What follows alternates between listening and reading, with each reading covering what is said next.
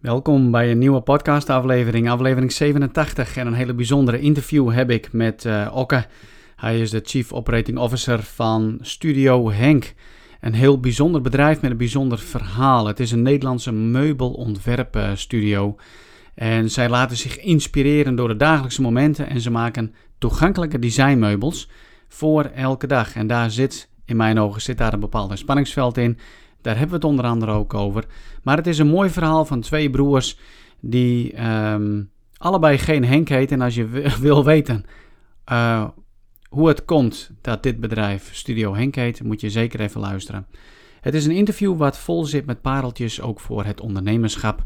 En dan maakt het eigenlijk niet eens zoveel uit in welke fase van ondernemerschap uh, jij zit. Het gaat om zeg maar het opbouwen van een succesvol bedrijf. Het gaat over het opbouwen van een succesvol bedrijf in een best wel uitdagende, moeilijke markt, waarin het best wel lastig is zeg maar, om je plekje uh, te vinden. En niet alleen te vinden, maar ook vast te houden en verder uit te bouwen. Um, er zitten hele mooie pareltjes in als het gaat over het werken met een team, het opbouwen van een team en het durven loslaten als ondernemer. En de vertrouwen, het vertrouwen geven zeg maar, aan je teammembers om een bepaalde taak uh, zeg maar, uit te voeren.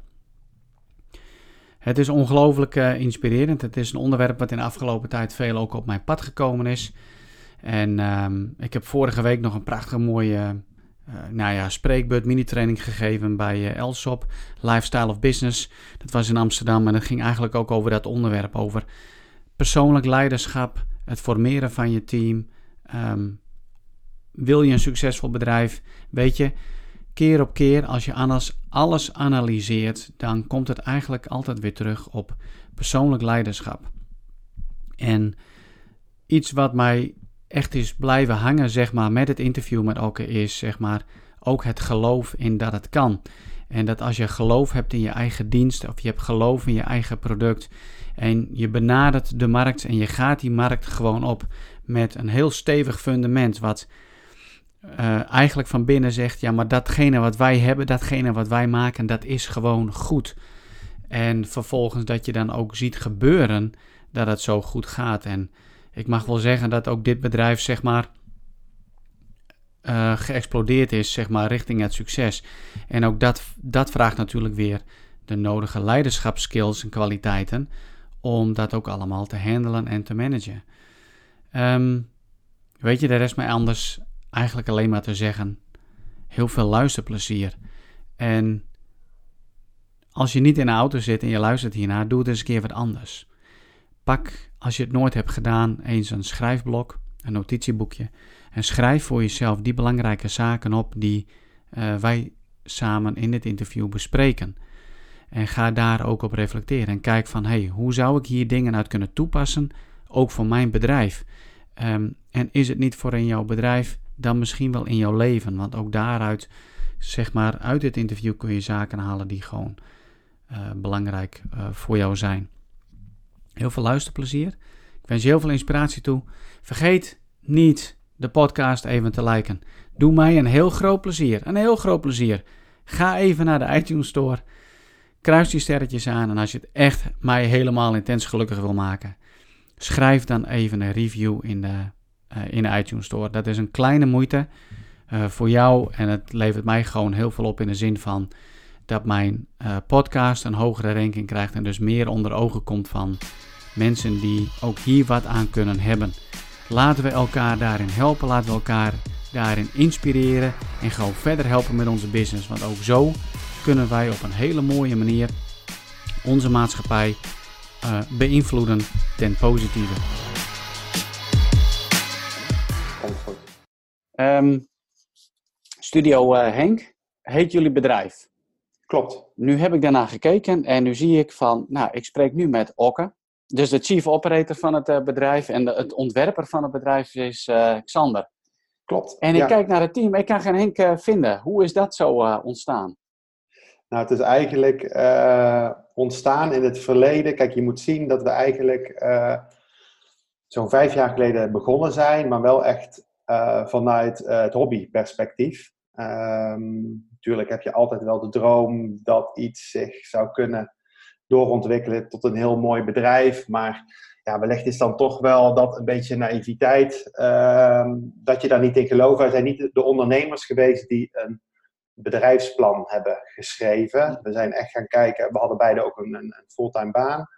Wat vinden we leuk? Uh, nou, eigenlijk van jongs af aan waren we altijd aan het klussen. Um, dus dat gingen we doen. Um, en eigenlijk om dat voor elkaar te krijgen, hadden we ook uh, iemand nodig. En op dat, dat, moment was dat mijn schoonvader, Henk. Uh, en um, mijn uh, vriendin, haar vader, die heet Henk. En die is boer en die is heel handig. Dus eigenlijk ja. daar in de werkplaats is het een beetje begonnen. Um, ja, en dan denk je ook nog, dus nog niet zo heel goed na over zo'n naam.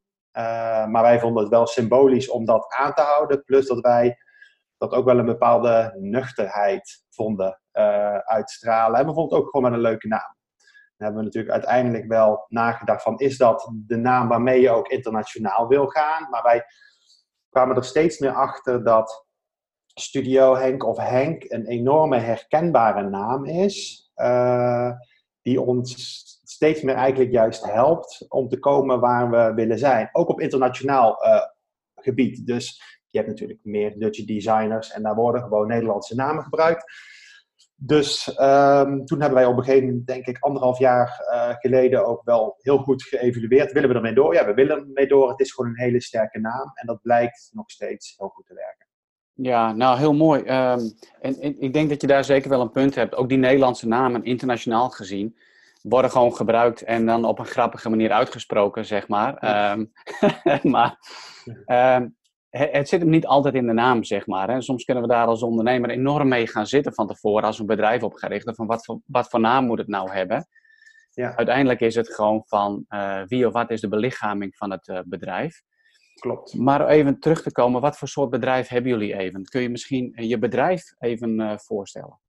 Ja, nou wat, wat voor bedrijf hebben wij nou? We zijn een, um, een meubelontwerpbedrijf, zo moet je het zien. Dus eigenlijk ontwerpen wij meubels, alles binnenshuis. Uh, nou, een aantal jaar geleden, toen produceerden we ook zelf, want het is eigenlijk een hele korte periode geweest. Ik denk dat het een periode is geweest van het eerste jaar. En daarna zijn we eigenlijk gelijk gaan kijken, kunnen we nou ons focussen op het vermarkten van de meubels? Uh, en daaraan voorafgaand natuurlijk het ontwerpen. Nou, dat bleek dat we in het buitenland, uh, in eerste instantie in Oost-Europa, best wel een hele goede partner konden vinden, waardoor wij ons konden concentreren op het ontwerp van de meubels en het vermarkten. En dat is eigenlijk wat we um, nog steeds doen. Um, wat wel een beetje bijzonder is, is aan die meubelwereld, daar is heel veel aan het veranderen. Vroeger was het wel zo dat je veel meubelbedrijven had, veel Nederlandse meubelbedrijven. Uh, je zou het kunnen zien als concurrenten. Ik zie dat niet zo, maar die hadden um, een bedrijf die um, vroeger vaak externe ontwerpers om een meubel te maken. En dat werd nog wel vaak um, ook nog gewoon in een Nederlandse fabriek gemaakt. Of die hadden dat ook wel uh, geoutsourced, maar die uh, verkochten niet zelf. Dus wij zijn wel een meubelmerk van de nieuwe stempel. Dus wij zeggen we hebben een omnichannel bedrijfsmodel, waarin wij zelf dus ook zeggen wij uh, vermarkten het via meerdere kanalen. Vroeger was het zo dat meubelbedrijven of die fabrikanten die verkochten het allemaal via uh, winkels, via retailers. Maar wij hebben verschillende afzetkanalen. En die verschillende afzetkanalen zijn dan nog steeds die retailers. Van zonder retailers kunnen wij niet bestaan. Maar we hebben ook gekozen, we gaan ook direct verkopen aan die consument. Dus uh, hoe doen we dat? We hebben een uh, showroom in Amsterdam, best wel een grote showroom, uh, waarin we veel direct kunnen verkopen aan die consument. En onze webshop. Dus er ja. zijn eigenlijk drie bronnen van inkomsten. Maar daarmee creëer je een heel ander verdienmodel natuurlijk. Ja. Want um, wij kunnen ons, wij positioneren onszelf in het tussen midden- en hoogsegment in. Maar dat was niet mogelijk geweest uh, zonder dit model. Want op het moment dat je natuurlijk het model gaat voeren, dat je het klassieke model, dat je alleen maar via retailers verkoopt, maak je natuurlijk veel minder marges, waardoor je producten duurder moeten zijn. Dus wij konden dat, nou ja, dat midden-hoogsegment betreden met een scherpe prijs voor een hele hoge kwaliteit. En dat werkt. Ja, precies. En dat maakt je ook gelijk veel minder kwetsbaar hè? om die verschillende verkoopkanalen kanalen te hebben, om het maar even zo te zeggen. Klopt. Ehm, waren dat al zaken zeg maar, waar jullie zeg maar, bij het ontstaan van het bedrijf gelijk al over nagedacht hebben en dus ook gelijk zo zijn gaan opereren? Of is dat langzamerhand ontstaan? Nee, uh, het is altijd mijn doel geweest om het op deze manier te doen. Het probleem was alleen natuurlijk vijf jaar geleden. Als je dan bij een uh, grote retailer uh, aankwam, hè, er zijn een aantal best wel grote partijen in Nederland, die waren daar niet van gediend. Dus die zeiden, oké, leuk dat je met mij wil samenwerken en je hebt inderdaad prachtige meubels, maar hoezo verkoop jij ook zelf? Dat is toch iets wat we niet doen? Mm. Toen zei ik van, uh, nou volgens mij kan het elkaar versterken. Hè? Van dat wij ook heel veel uh, mensen bereiken via internet. Hè? Dus natuurlijk gaat heel veel geld van ons naar um, online advertising. Of, of, wat, of dat nou social media is, of dat dat Google AdWords of shopping is. Wij bereiken een hele grote groep. Dus er was heel veel weerstand bij die retailers. Totdat we toch een aantal grote retailers meekregen. Um, die retailers eigenlijk onder de indruk waren van hetgeen dat die producten van ons zo goed aan het verkopen waren. Want zij dachten natuurlijk, ik zet het in mijn winkel neer. Ja. Jij loopt er straks vandoor met die verkoop, want dan gaan ze natuurlijk in jouw webshop bestellen. Maar dat gebeurde niet. Dus we zagen dat um, als een retailer, want retailers hebben het ook heel zwaar gehad de laatste jaren, als een retailer op de juiste manier waarde weet toe, toe te voegen, hè, dus het is echt een stukje klantvoorlichting, wat wij in de webshop niet kunnen doen, dan kan hij nog steeds heel goed verkopen. Ook al hebben wij dat model en verkopen we uh, zelf ook. Inmiddels is het zo, we zijn dus vijf jaar later, dat je eigenlijk ziet uh, bij nieuwe retailers, er is geen weerstand meer. Want iedereen is aan het volgen. Dus ook, uh, ik zeg niet dat wij een voorloper waren, we waren iets van een voorloper, maar je ziet ook dat de grote merken in de designwereld ook gewoon direct aan consumenten aan het verkopen zijn. Dus de wereld is aan het veranderen. Ja, ja precies. Um, en dat is wel uh, heel mooi. Hey, je zegt hier eigenlijk zoveel mooie rake dingen waarvan ik denk, oh jee, waar ga ik even op inzoomen? Maar je zegt van om de retailers mee te krijgen. Hoe, ja. hoe heb je dat dan aangepakt, zeg maar, om um, de retail, zeg maar, daarin mee te krijgen? Dus heb je daarin bepaalde tactieken gebruikt? Of, of hoe heb je dat dan aangepakt? Nou, maar dat is best lastig. Nou ja, e-, e-, even terug, want daar zijn we natuurlijk helemaal niet. Het is wel goed even um, om nog eventjes terug te gaan naar mijn achtergrond, ja. wellicht. Um, dus ik doe het samen met mijn broer. Mijn broer en ik zijn eigenaar van dit bedrijf. Mijn broer is ongelooflijk creatief en ik helemaal niet. Dus we vullen elkaar perfect aan. Mijn broer is architect, hij ontwerpt ook alle uh, meubels. En we hebben een, ja, een steeds groter creatief team waarmee we intern die meubels uh, ontwerpen. Ik zelf heb uh, meer een IT-achtergrond, dus ik kom helemaal niet uit die meubels. Nee, dus je ziet precies. wel eens dat er meubelfabrikanten komen of nieuwe merken op poppen. En die staan in één keer bij allemaal retailers, want die hebben dat netwerk. Ik had helemaal geen netwerk in deze branche. Dus het begon echt zo dat ik bij de grote winkels naar binnen liep en op zoek ging naar de juiste persoon. En ik denk dat dat dan deels um, ja, je enthousiasme is uh, en ook wel gewoon een heel mooi ontwerp en een goede prijsstelling. Dat je de kans krijgt om jezelf te laten zien. Want ze zijn natuurlijk wel hard, want de kwaliteit moet goed zijn, je moet netjes leveren. Ja. En als je dat niet goed doet, dan, uh, ja, dan houdt het snel op. Maar als je, ik had het geluk dat wij um, bijvoorbeeld, ik noem maar wat, hè, de designafdeling van Loos 5, daar kwamen en dat die meneer in het eerste weekend zes tafels verkocht. En toen was hij zelf ook daar enorm van onder indruk. Ik natuurlijk ook, want dat verkocht ik in een paar maanden tijd nog niet eens.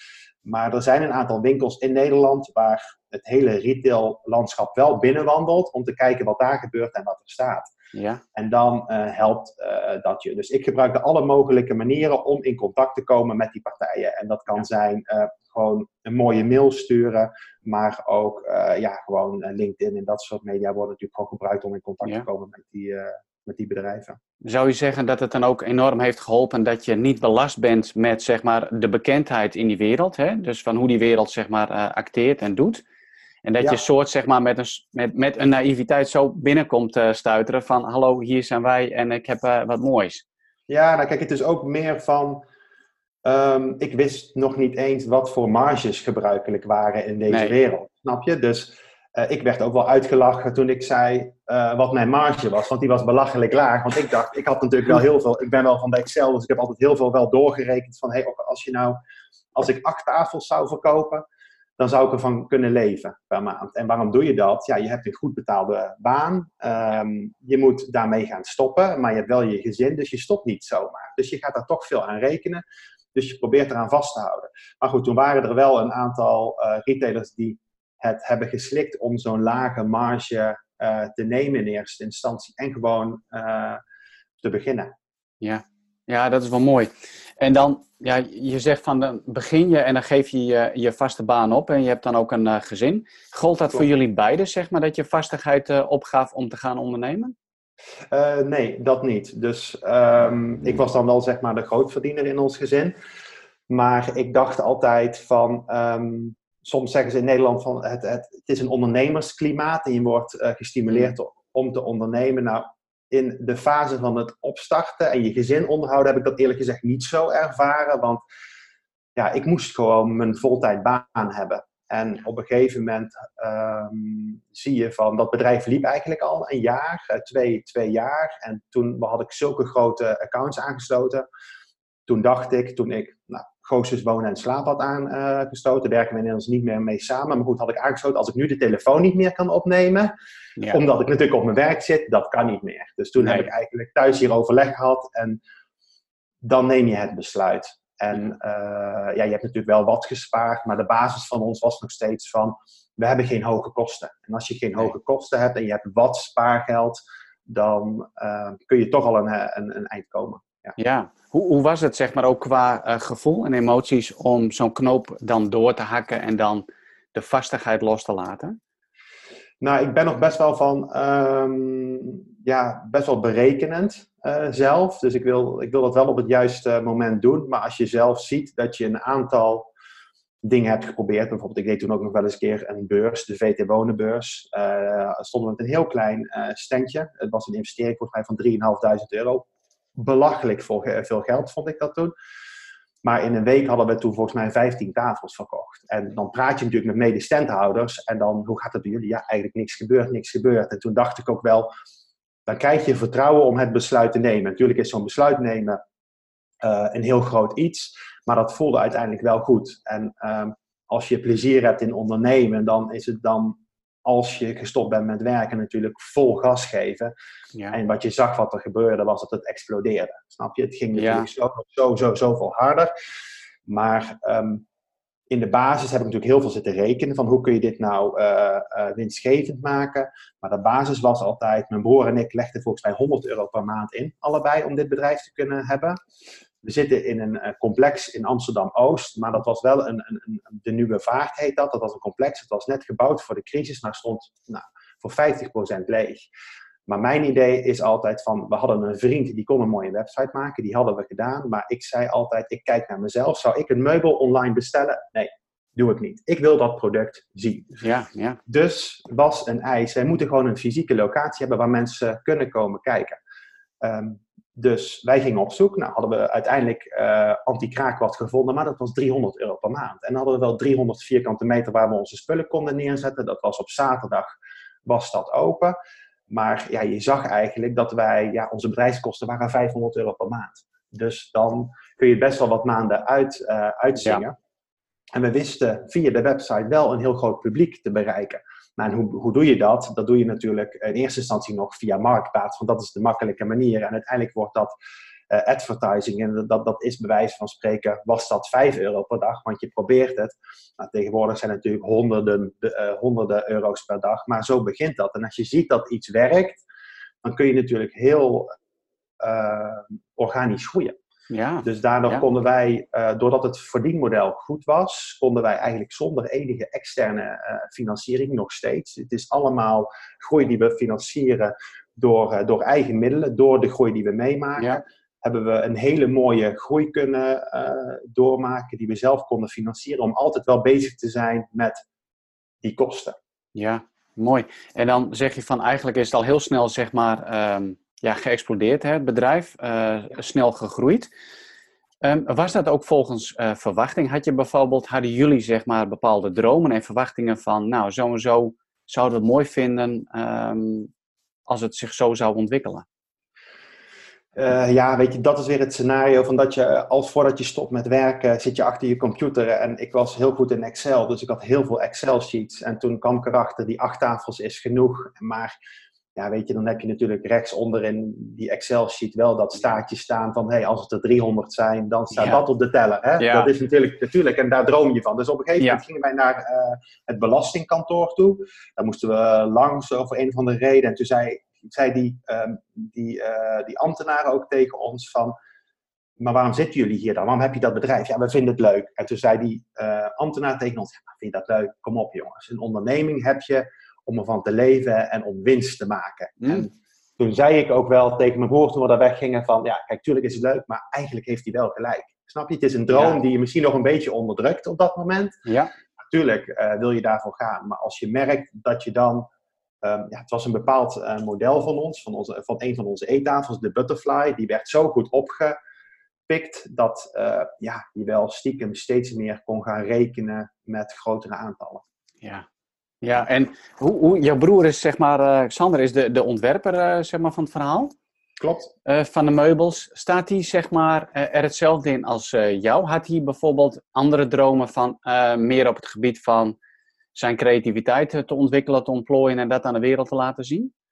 Nou, uh, er is altijd, uh, er is geen strijd, maar het is een hele, heel mooi hoe dat samengaat. Dus ik was, uh, ik ben nog steeds super commercieel. Ja. Dus eh, ik was altijd van, als wij dan um, willen verkopen een zaterdag, dan zet ik gewoon met rode letters vol op de homepagina 20% korting. Nou, hij vond dat verschrikkelijk. Snap je? En ik had weet jongens, ik moet ervan leven, dus ja. het interesseert me niks. Dus wat hij wilde, hij wilde meer een brand worden. Hij wilde een merk worden. Het moet mooier en het moest beter. En ik zei, en ook de kwaliteit van de meubels. Het moest beter en het was niet goed genoeg. En ik was het daar allemaal wel mee eens. Maar ik zei tegen Xander, Xander, dat komt wel. Dat komt met de tijd. Laten we eerst zorgen dat het staat, dat we ervan ja. kunnen leven. En dat we gewoon winst maken. Nou, inmiddels zijn we natuurlijk een aantal jaar verder en dan krijgt hij eigenlijk steeds meer zijn zin. Hij is over steeds ja. minder dingen ontevreden. ja. uh, ik denk nog maar over een heel klein uh, gedeelte. Maar dat heeft tijd nodig. Dat kun je niet van de een op de andere dag zijn en daar naartoe werken. Dus ja, daar, uh, dat heeft wel wat. Hij heeft meer offers moeten brengen dan ik, denk ik, moeten doen. Maar uh, uiteindelijk is hij, denk ik, ja, blijer dan ooit als je kijkt hoe het er nu voor staat. Ja. ja, dus dan is zo'n samenwerking van verschillende persoonlijkheden en kwaliteiten natuurlijk gewoon heel erg mooi. Hè? Jullie, jullie vullen elkaar heel erg aan. Klopt. Hoe, uh, hoe, hoe gaat het dan ook in de samenwerking? Hè? Je bent broers uh, van elkaar. Is dat ja. altijd in jullie leven uh, iets geweest van, nou, er is gewoon een goede klik en samenwerking tussen elkaar?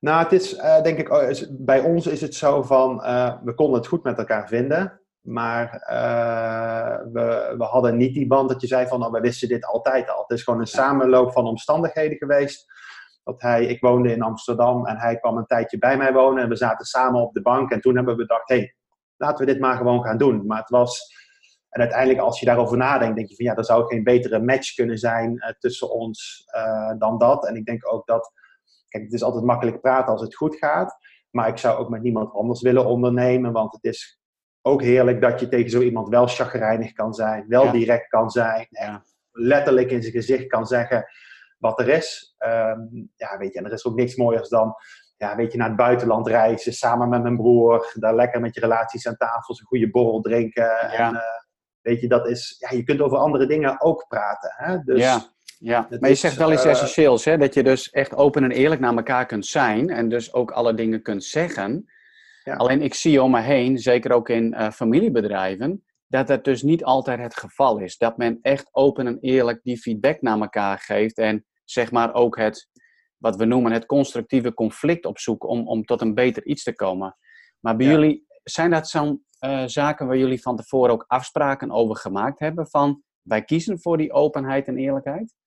Nou, nee, dat is niet zo. Wat je zegt is natuurlijk wel waar. Ik zeg heel makkelijk, we kunnen direct zijn en we moeten open tegen elkaar zijn, maar het is wel, ook daarin moet je als broers denk ik een modus vinden, want je wil ik, af en toe moet je, moet je wel direct zijn, maar Xander zegt ook wel eens van, uh, en dat meent hij ergens best wel direct, ja, maar ook jij wilt toch ook zo graag de baas zijn, snap je? Dus ben dan ook maar de baas. Hè? Dat is natuurlijk ergens ook wel een beetje een verwijt, maar ik vind wel, hij krijgt een gro groter creatief team en dan moet ik hem erop aan kunnen spreken van, Weet je, dat ik vind dat hij soms met bepaalde mensen. Dat ik, weet je, ik ben best wel op de mens. Ik heb een grote, grote teams aangestuurd. Ik vind het belangrijk dat je vaak in gesprek gaat. Om te vragen hoe het met ze gaat. En uh, ja, weet je, dat zijn ontwikkelpunten die ik heb en die hij soms ook op bepaalde vlakken heeft. Maar we, we hebben wel de modus gevonden waarin, uh, of gevonden waarin we dat soort dingen wel gewoon met elkaar kunnen uh, delen. En dat is gewoon ongelooflijk belangrijk. Ja. ja. dat is zeker heel erg belangrijk. En nu ja. zei je in het begin van het gesprek, had je het ook over, um, uh, ik zie eigenlijk geen concurrenten. Hè? Um, hoe kan dat, dat je eigenlijk geen concurrentie ziet? Nou ja, kijk, er zijn natuurlijk wel, er zijn altijd concurrenten. Ik krijg wel eens berichten of aanvragen van andere bureaus die zeggen van ja, we willen graag met, met jullie samenwerken, maar we hebben ook die. En zie je dat niet als je concurrent. En ik denk, we gaan maar uit, heel erg uit van onze eigen kracht. Hè? Dat is denk ik het allerbelangrijkste. Nu zijn er een aantal partijen op de markt die niet gek zijn. En nou, ik vind dat dan nog uh, veel commerciëler. En dan, ze kijken naar je modellen. En ze gaan ze natuurlijk uh, soort van kopiëren voor 95%, maar dat het net niet zo is. Wij zijn niet gek, we deponeren onze modellen. We hebben ja. daar best wel wat uh, sommaties voor uitgevoerd en geprocedeerd. Um, die hebben we natuurlijk vaak ook gewonnen als het 100% kopies zijn. Maar er zijn een aantal partijen in de markt. Ja, dat, ja ik vind dat. Ja, die doen zich voor als creatieve bedrijven. Maar als je dan zo geïnspireerd op onze dingen gaat namaken. Dan doet dat pijn. Maar ik heb inmiddels geleerd om dat los te laten. En maar gewoon uit te gaan van, de, uh, van, je, van je eigen kracht. Uh, en het blijft ook wel zo doordat wij. Ik wil het bedrijf ook positioneren als bereikbaar design. Dus we willen niet uh, een tafel voor 3000 euro aanbieden, maar voor onder de 2000. En je ziet wel dat dat mede mogelijk is door te, niet in Nederland te produceren. Wel in nee, Europa, precies. maar niet ja. in Nederland. Want nee. ik, ik, kijk natuurlijk ook naar Nederlandse fabrieken. En dat is een van de, veel, van de vele dingen die wij doen samen met broer, is die bedrijfsbezoeken, nieuwe ontwerpen, nieuwe partners zoeken. Maar we komen daar in Nederland gewoon niet aan. Hoe, hoe, graag ik ook in Nederland zou willen produceren, maar dan wordt mijn meubel gewoon 400, 500 euro duurder. Ja. En toch is dat ook een kracht, weet je, om dat ja, uh, net ja. bereikbaarder te maken voor een, uh, voor een groter uh, publiek. Want daardoor kun je volumes draaien. Ja, nee, maar dat is ook zo. Um, dus die eigenheid en authenticiteit, dat is een hele belangrijke. En jullie bedrijf um, en de meubels die jullie zeg maar ontwerpen, waarvan jullie zeggen mooi design, maar ook functioneel en tijdloos. Klopt. En daar lijkt ook wel een soort van spanningsveld in te zitten. Um, dus als je kijkt naar de geschiedenis van, van meubels, woningen, inrichtingen, dan is smaak, um, lijkt het wel, zeg maar, wel tijdsgebonden. Dus hoe, hoe pakken jullie dat dan aan en, en, ervaren jullie zelf ook dat spanningsveld? Nou kijk, ik denk dat um, ons creatieve team, die laat zich inspireren. En die laat zich inspireren, vaak is dat door fashion en door architectuur. Ja. Architectuur gaat vaak wat lang, langzamer en fashion gaat supersnel al die ontwikkelingen en, en de trends. Maar ik heb altijd gezegd, als, er zijn meubelmerken die lanceren per jaar één of twee nieuwe collecties. Fashion doet dat volgens mij nog veel vaker. Maar ik heb gezegd, als wij iets lanceren, dan lanceren wij toch niet iets voor een seizoen of voor een bepaald jaar. Nee, wij lanceren tijdloze meubels. Dus waarom we het lanceren maakt niet zoveel uit. Um, en natuurlijk heeft het een stijl, maar ik denk dat, um, nou, dat was vroeger Um, er is een beetje dat uh, een tijd geweest dat het allemaal veel robuuster was. En wij zitten meer richting het Scandinavische design. En we waren daar heel ja. vroeg bij. En het is al veel meer de trend aan het worden. Maar doordat, um, ja, ik vind wel dat we best wel tijdloze ontwerpen maakt, uh, maken. Maar daarnaast is het natuurlijk zo dat het creatieve team zich constant laat inspireren, ook door nieuwe dingen. Dus als je een goed creatief team hebt, ben, je, ben ik ervan overtuigd dat je altijd wel weer klaar bent voor de toekomst. Omdat wij natuurlijk altijd weer bezig zijn met het maken van nieuwe meubels in de richting ook van hetgeen wat de klant zal uh, mooi gaan vinden in de toekomst. Ja, dus de inspiratie is dus echt daadwerkelijk erop uittrekken en, en onderzoek doen van wat komt er allemaal uit, wat leeft er nu momenteel in die verschillende werelden. Klopt, maar dat ik ook altijd zeg, en dat is wel een mooie of iets, heel, geeft mij een heel fijn gevoel om aan vast te houden. Je hebt meubels, je hebt banken en je hebt keukens, maar je hebt ook tafels. En als ik aan jou de vraag stel van hoe zag een eettafel er 40 jaar geleden uit? Eettafels zijn door de jaren heen gelukkig weinig veranderd. Snap je? Ja. Dus uh, vroeger had je natuurlijk echt wel de tafels met houten poten, hebben wij ook nog steeds. Ja, het ja. verschil zit dan misschien in een afgeschuind randje, maar het is helemaal niet zo'n heel trendgevoelig product, mijn inzicht. Dat geeft volgens mij, dat maakt het fundament van het bedrijf heel sterk. Zeg mijn gevoel, hè? Dus dat is even wel iets van, ik denk van nee, maar dat is wel, als die mensen erover nadenken, van, dan denk je, oké, het is meubels en dat verandert. Als ze dan gaan nadenken wat, er, wat voor tafel er bij hun ouders vroeger thuis stond, dat is niet heel veel anders dan wat er nu staat. Nee, ik kan me niet anders herinneren dat wij een ronde eettafel uh, hadden. En mijn vrouw onlangs begon van... hey, uh, William, zouden we ook niet eens een keer een ronde eettafel moeten gaan aanschaffen? Ja, ja, ja. dus dat geeft voor mij wel een, een ja, een, ja, een fijn gevoel. Dat, ja, dat maar botst dat dan ook wel eens, zeg maar? Het, het creatieve van, uh, van je broer, van het team... en zeg maar ook het, het zakelijke aspect ervan en, en, en het haalbare? Ehm, nou ja, kijk, ik ben gewoon heel realistisch vaak naar hem toe. Uh, maar je ziet dat dat creatieve proces best wel eerst was. Kijk, je kunt dat niet forceren. We hebben natuurlijk nu ook een, een marketingteam uh, en dat houdt zich bezig met PR en met planning. Dus je ziet dat er.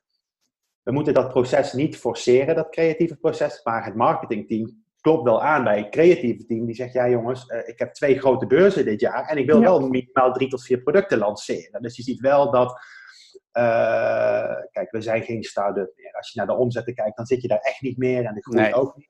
En hoe groter je wordt, ja, hoe meer gestructureerd zal worden. En ook dat creatieve proces zal wel uh, ja, uh, de richtlijnen moeten hebben voor, oké, ik moet in ieder geval weten dat er per jaar wel minimaal acht producten geproduceerd moeten gaan worden ja, of gelanceerd. Ja. Dus zorg wel dat je daar een bak met producten hebt waar we samen uit kunnen gaan kiezen. Ja, en nu hebben jullie best wel een groot uh, team, hè? kan ik ook wel zien op, uh, op uh, jullie website. Um, hoe um, is dat ontstaan? En is dat iets zeg maar, wat jij dan allemaal hebt geregeld? Is dat een gezamenlijk proces geweest? Um, nou goed, hoe is dat ontstaan? Wat als jij als bedrijf groeit, zoals eigenlijk met dat, mijn commerciële inzet. Ik ben verantwoordelijk, eindverantwoordelijk voor dat hele personeel. Dat is waar ik me mee bezig hou. Ik hou me eigenlijk bezig met, met de fabriek en met de productie, dat het allemaal goed loopt. Maar wat doe je dan als je onderneemt? Dan kom je in eerste instantie handjes tekort. Dus wat ga je aannemen? Administratieve medewerkers. Precies, ja. Dus dat is de eerste stap die je neemt. Dus de eerste mensen die wij aan uh, hebben genomen waren mensen voor in de showroom of te helpen of administratieve mensen. Dus de eerste zes mensen die er kwamen waren geen creatieve mensen. Alexander, geduld, het komt. Uh, maar inmiddels is het moment aangekomen dat uh, het creatieve team groter is dan het back-office team. Maar dat is iets, en daar heb ik ook altijd in geloofd, van dat moet groeien. Weet je, als je, er moet geld komen om dat creatieve team aan te nemen en een draai te laten vinden. Want als het creatieve team goed staat, kan het mega veel geld verdienen. Hè? Want dat zet je hele naam neer, dat zet de campagnes neer. En je ziet nu ook dat dat met mooie publicaties of goede campagnes, dat zich dat ruimschoots terugverdient. Maar ik breid een team alleen maar uit als ik het idee heb dat het daadwerkelijk gewoon veel waarde kan toevoegen. Ja, en dat moment hebben we bereikt. En ik had ook daar overal niet verstand, uh, per se verstand van, maar het is dan aan de leidinggevende van het team om mij te overtuigen dat uh, die extra persoon erbij moet. Ja, dus dan daar, geef, daar zeg je iets heel belangrijks. Zeg maar, dan geef je die leidinggevende van het team dus ook een mate van vrijheid en verantwoordelijkheid. Ja. Om jou te voeden om dan uiteindelijk de beslissingen te nemen. Ja. Um, ik, toevallig, dus, ik heb morgen een. Uh, om jou te onderbreken over, dus, over verantwoordelijkheid. Um, ik was best wel een control freak, maar het schijnt, ik heb er natuurlijk veel van geleerd, oké, je moet dat loslaten. Dus wat is er gebeurd? Uh, als ik gewoon de goede mensen aanneem waarin, waarin ik vertrouw, heb ik gemerkt, ik doe dat met alle liefde, dat ik, en met al het vertrouwen, dat ik dus die mensen mega veel verantwoordelijk geef. Met het, met het gevolg zelfs dat ik er maar één tot twee dagen ik zelf maar op kantoor ben tegenwoordig. Dus die, die teams die zijn bijna zo zelf, zelfsturend, best wel jonge leidinggevenden mm. zitten er ook. Maar ze krijgen gewoon 100% verantwoordelijkheid. En ze weten ook wel als het fout gaat, dan krijg je een kans en dan krijg je nog een kans. En er zijn best wel wat mensen ook vertrokken. Uh, het gaat op een hele normale manier, maar je ziet dat je uiteindelijk tot een uh, selectie komt. En zo'n mooi team, wat eigenlijk ja, ja, zelfsturend is ook. Ja, het kan niet mooier natuurlijk. En de mensen vinden het geweldig, want kijk, ze weten dat ze een grote verantwoordelijkheid hebben, want die is echt wel heel erg groot. Ja.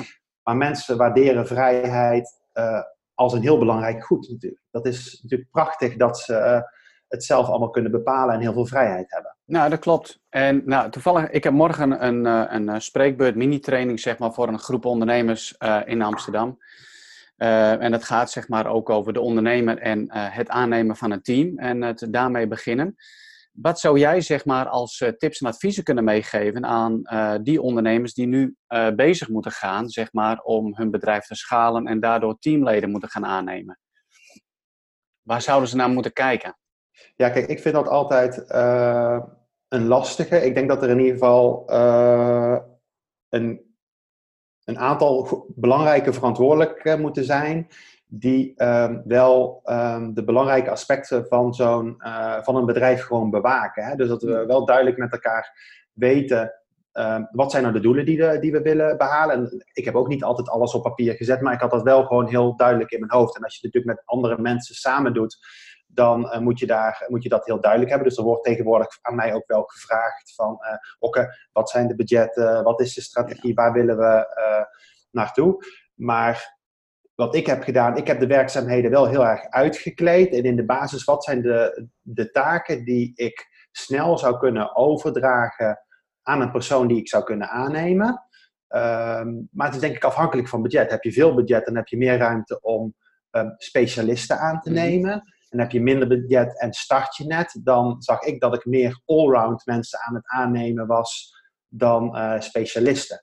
En op het moment dat meer budget komt, dan zijn het nu eigenlijk meer specialisten Precies, die je aan het aannemen bent.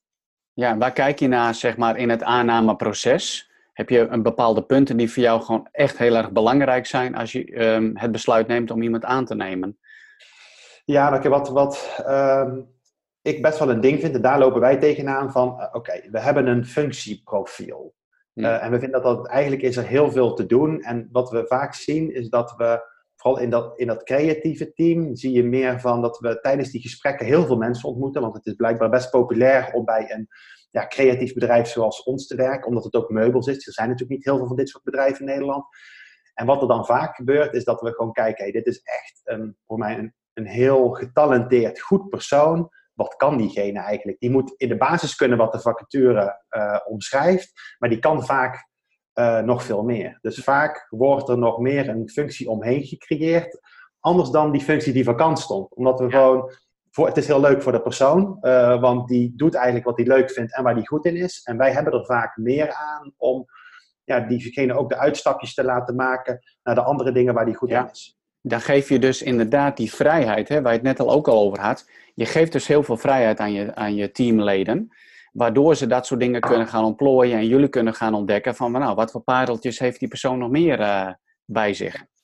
Klopt. Kijk, het eh, moet natuurlijk wel heel, het moet heel duidelijk zijn dat in de basis de werkzaamheden waarvoor ze komen, Precies. dat die moeten gebeuren. Ja. Maar uh, daarnaast is er zeker vrijheid. Kijk, wij willen die talenten van de mensen ook zien. Hè? Dus ja. Uh, ja, gek als je er eigenlijk niks mee doet. Nee, nee, precies. Maar dat is, dat is wel heel mooi. En ik denk dat dat een van de meest belangrijke zaken is in het aansturen van het team. Is dus, wat jij ook zegt, heel duidelijk die kaders meegeven, hè, richting, uh, welke doelen moeten behaald worden. En vervolgens ook het durven loslaten. Ja. Want als ondernemer ben je geneigd om alles in je eigen hand te houden. Want dan heb je het gevoel van, ja, dan gaat het tenminste goed. Dan heb ik niet zoveel kans om op mijn bek te gaan. Maar gaat het wel eens, is het wel eens misgegaan, zeg maar? De vrijheid die je uh, geeft? Uh, ik moet zeggen eigenlijk dat ik denk ook dat je een bepaald profiel wel zoekt. Hè, wij. Dus wij zoeken wel gewoon de, de wat hoger opgeleide mensen. En je zoekt mensen eruit met een grote verantwoordelijkheid. Dus ik moet eigenlijk zeggen dat qua verantwoordelijkheid en vrijheid het nog helemaal niet fout is gegaan. Nee, mooi. Ik, ik, ik, moet natuurlijk afkloppen. Ja. Dat besef ik. maar en, uh, kijk, en, en ook, uh, kijk, dat zal vast ook met, zieken en zo. Maar gelukkig uh, ja, is, is dat echt nog niet, niet voorgevallen. En dat zal enigszins de vrijheid zijn. En het is ook belangrijk, omdat ik er niet altijd evenveel ben, is dat het team wat wordt uh, samengesteld. Dus ik voer eigenlijk de sollicitatiegesprekken pas in tweede instantie. Ik laat ook altijd de mensen waarin ze terechtkomen in het team die gesprekken uh, voeren. En als zij ze goed vinden, dan kom ik ook in gesprek. Maar zij moeten het leuk hebben met elkaar. Hè? Ze moeten er ja. niet op rekenen dat ik er ben. Dus dan moet een team uiteindelijk staan van 15 man die samen aan de lunchtafel zit gezellig, die leuk hebben met elkaar en nog niet eens ze moeten weten van oké, die Okke is, is een prima vent en die is benaderbaar en ik kan elke vraag stellen die ik wil.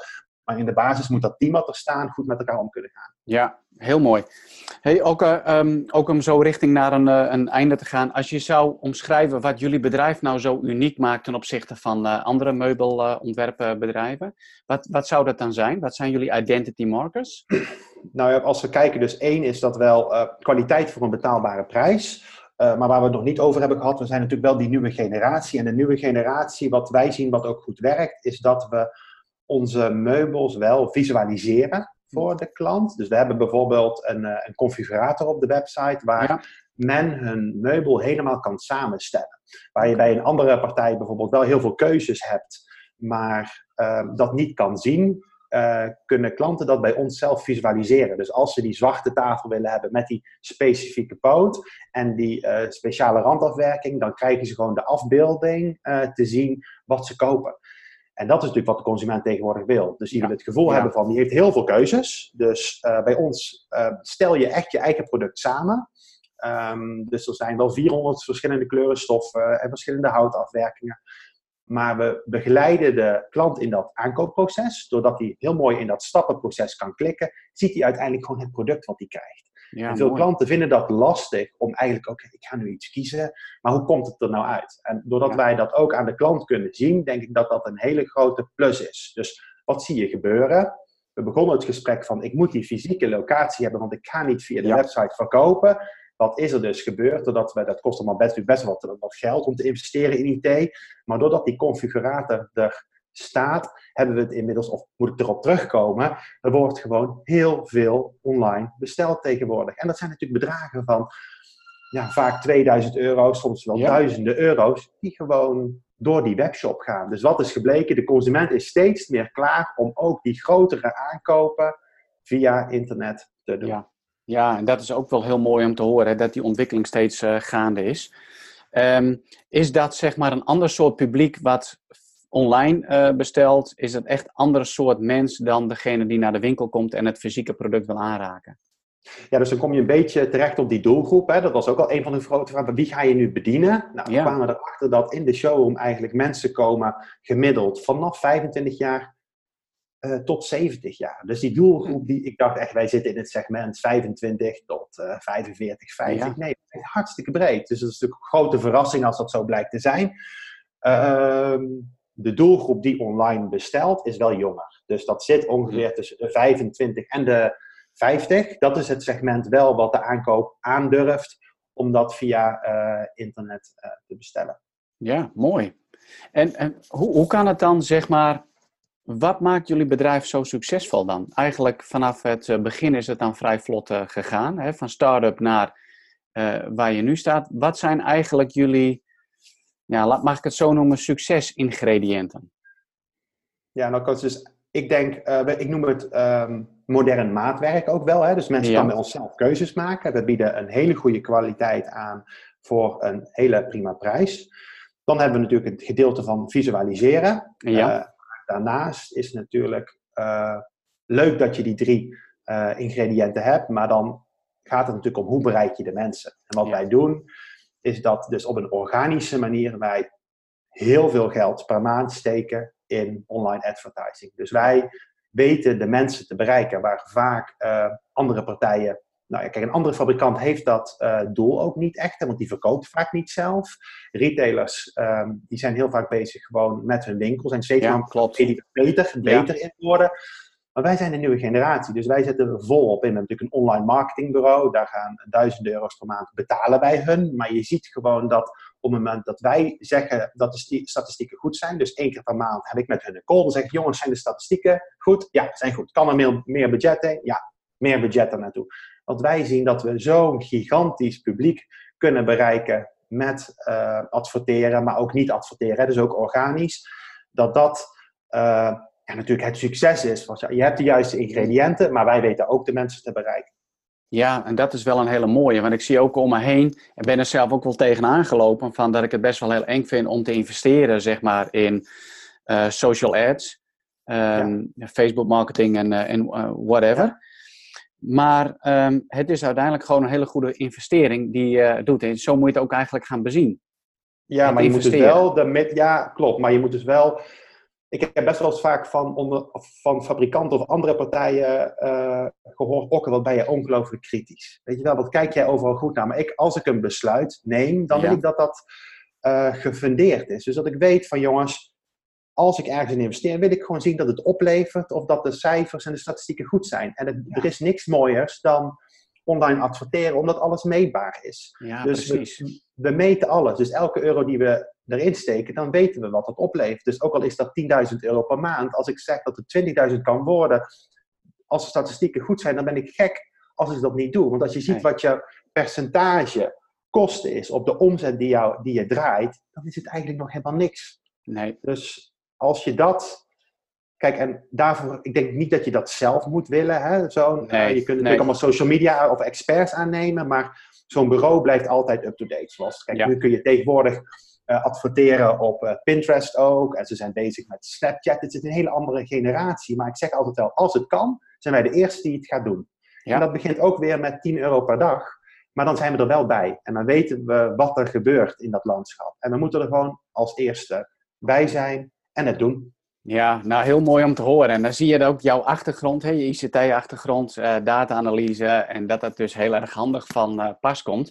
En dat het gewoon een mooie combinatie is met het creatieve van, eh, van je broer en van het team. Hey, eh, Oké, ik heb een hele speciale knop op, mijn, op mijn laptop. Die staat dan in verbinding straks met de hele wereld. Kijk, En, mooi. En met name zeg maar alle ondernemers of eh ondernemen, of mensen die daarvan eh, van dromen. Wat zou jij de wereld mee willen geven als je eh één of twee adviezen, tips, opmerkingen zou mogen meegeven? Ik, nou goed, ik geef niet heel vaak van, van dat soort adviezen. Ik, ik luister er wel vaak naar. Ja. Maar ehm, uiteindelijk is het iets wat je vaker hoort. Maar voor ons, hè, vooral omdat het zo begonnen is, zoals zij zijn begonnen, eigenlijk als een hobby, is toch van als je die ideeën hebt. Hè, en je ziet in sommige mensen zie je gewoon dat zijn ondernemers. Ga het nou gewoon doen. Ja. En het beste wat je eigenlijk kan doen is, en dat was ook mijn buurvrouw, die had een yoga salon en die kon daar klanten niet vinden. Benader nou eens een online markt. Maak een website, hè, dat is één. Zorg Ja. dat je een goed product hebt, dat is twee. Maar benader dan eens een online marketingbureau wat, het, wat, wat jouw verhaal aanspreekt. En die willen jou gewoon helpen voor 100 euro per maand. Voor 100 euro per maand gaan zij jou helpen om gewoon eens dat betaalde adv- advertentielandschap voor jou neer te zetten. En dan begin je met 5 euro per dag. Maar dan zie je dat je mensen gaat bereiken. Die komen op je website. Je kunt toetsen alle ingrediënten die je hebt. Maar die mensen bereiken is tegenwoordig heel haalbaar. Probeer het niet zelf te doen. Doe één keer die investering om een goed bureau te vinden. En die gaan jou helpen om je bedrijfsidee te toetsen. En dan ga je snel genoeg merken of het een succes kan zijn of niet. Ja, mooi. En dat is gewoon een kwestie ook van doen. En wat zou je zeggen tegen die mensen die dan zeggen: Ja, maar Okke, ik vind het zo eng om mijn vastigheid op te geven en helemaal te gaan voor mijn onderneming?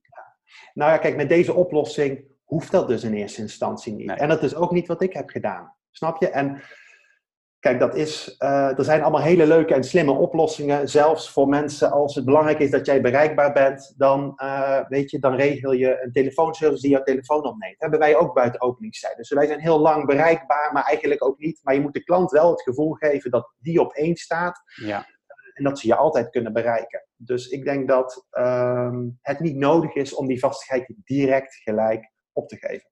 Nee, precies. Nou, dat zijn echt eh, hele super waardevolle adviezen en tips eh, die je daar eh, meegeeft voor de luisteraars. Waar kunnen de mensen jullie vinden, zowel fysiek ehm, als, op, als online? Ja, dus online zijn wij bereikbaar op studio-henk.nl. En onze showroom zit in Amsterdam-Oost, aan de Krukjesweg 94C.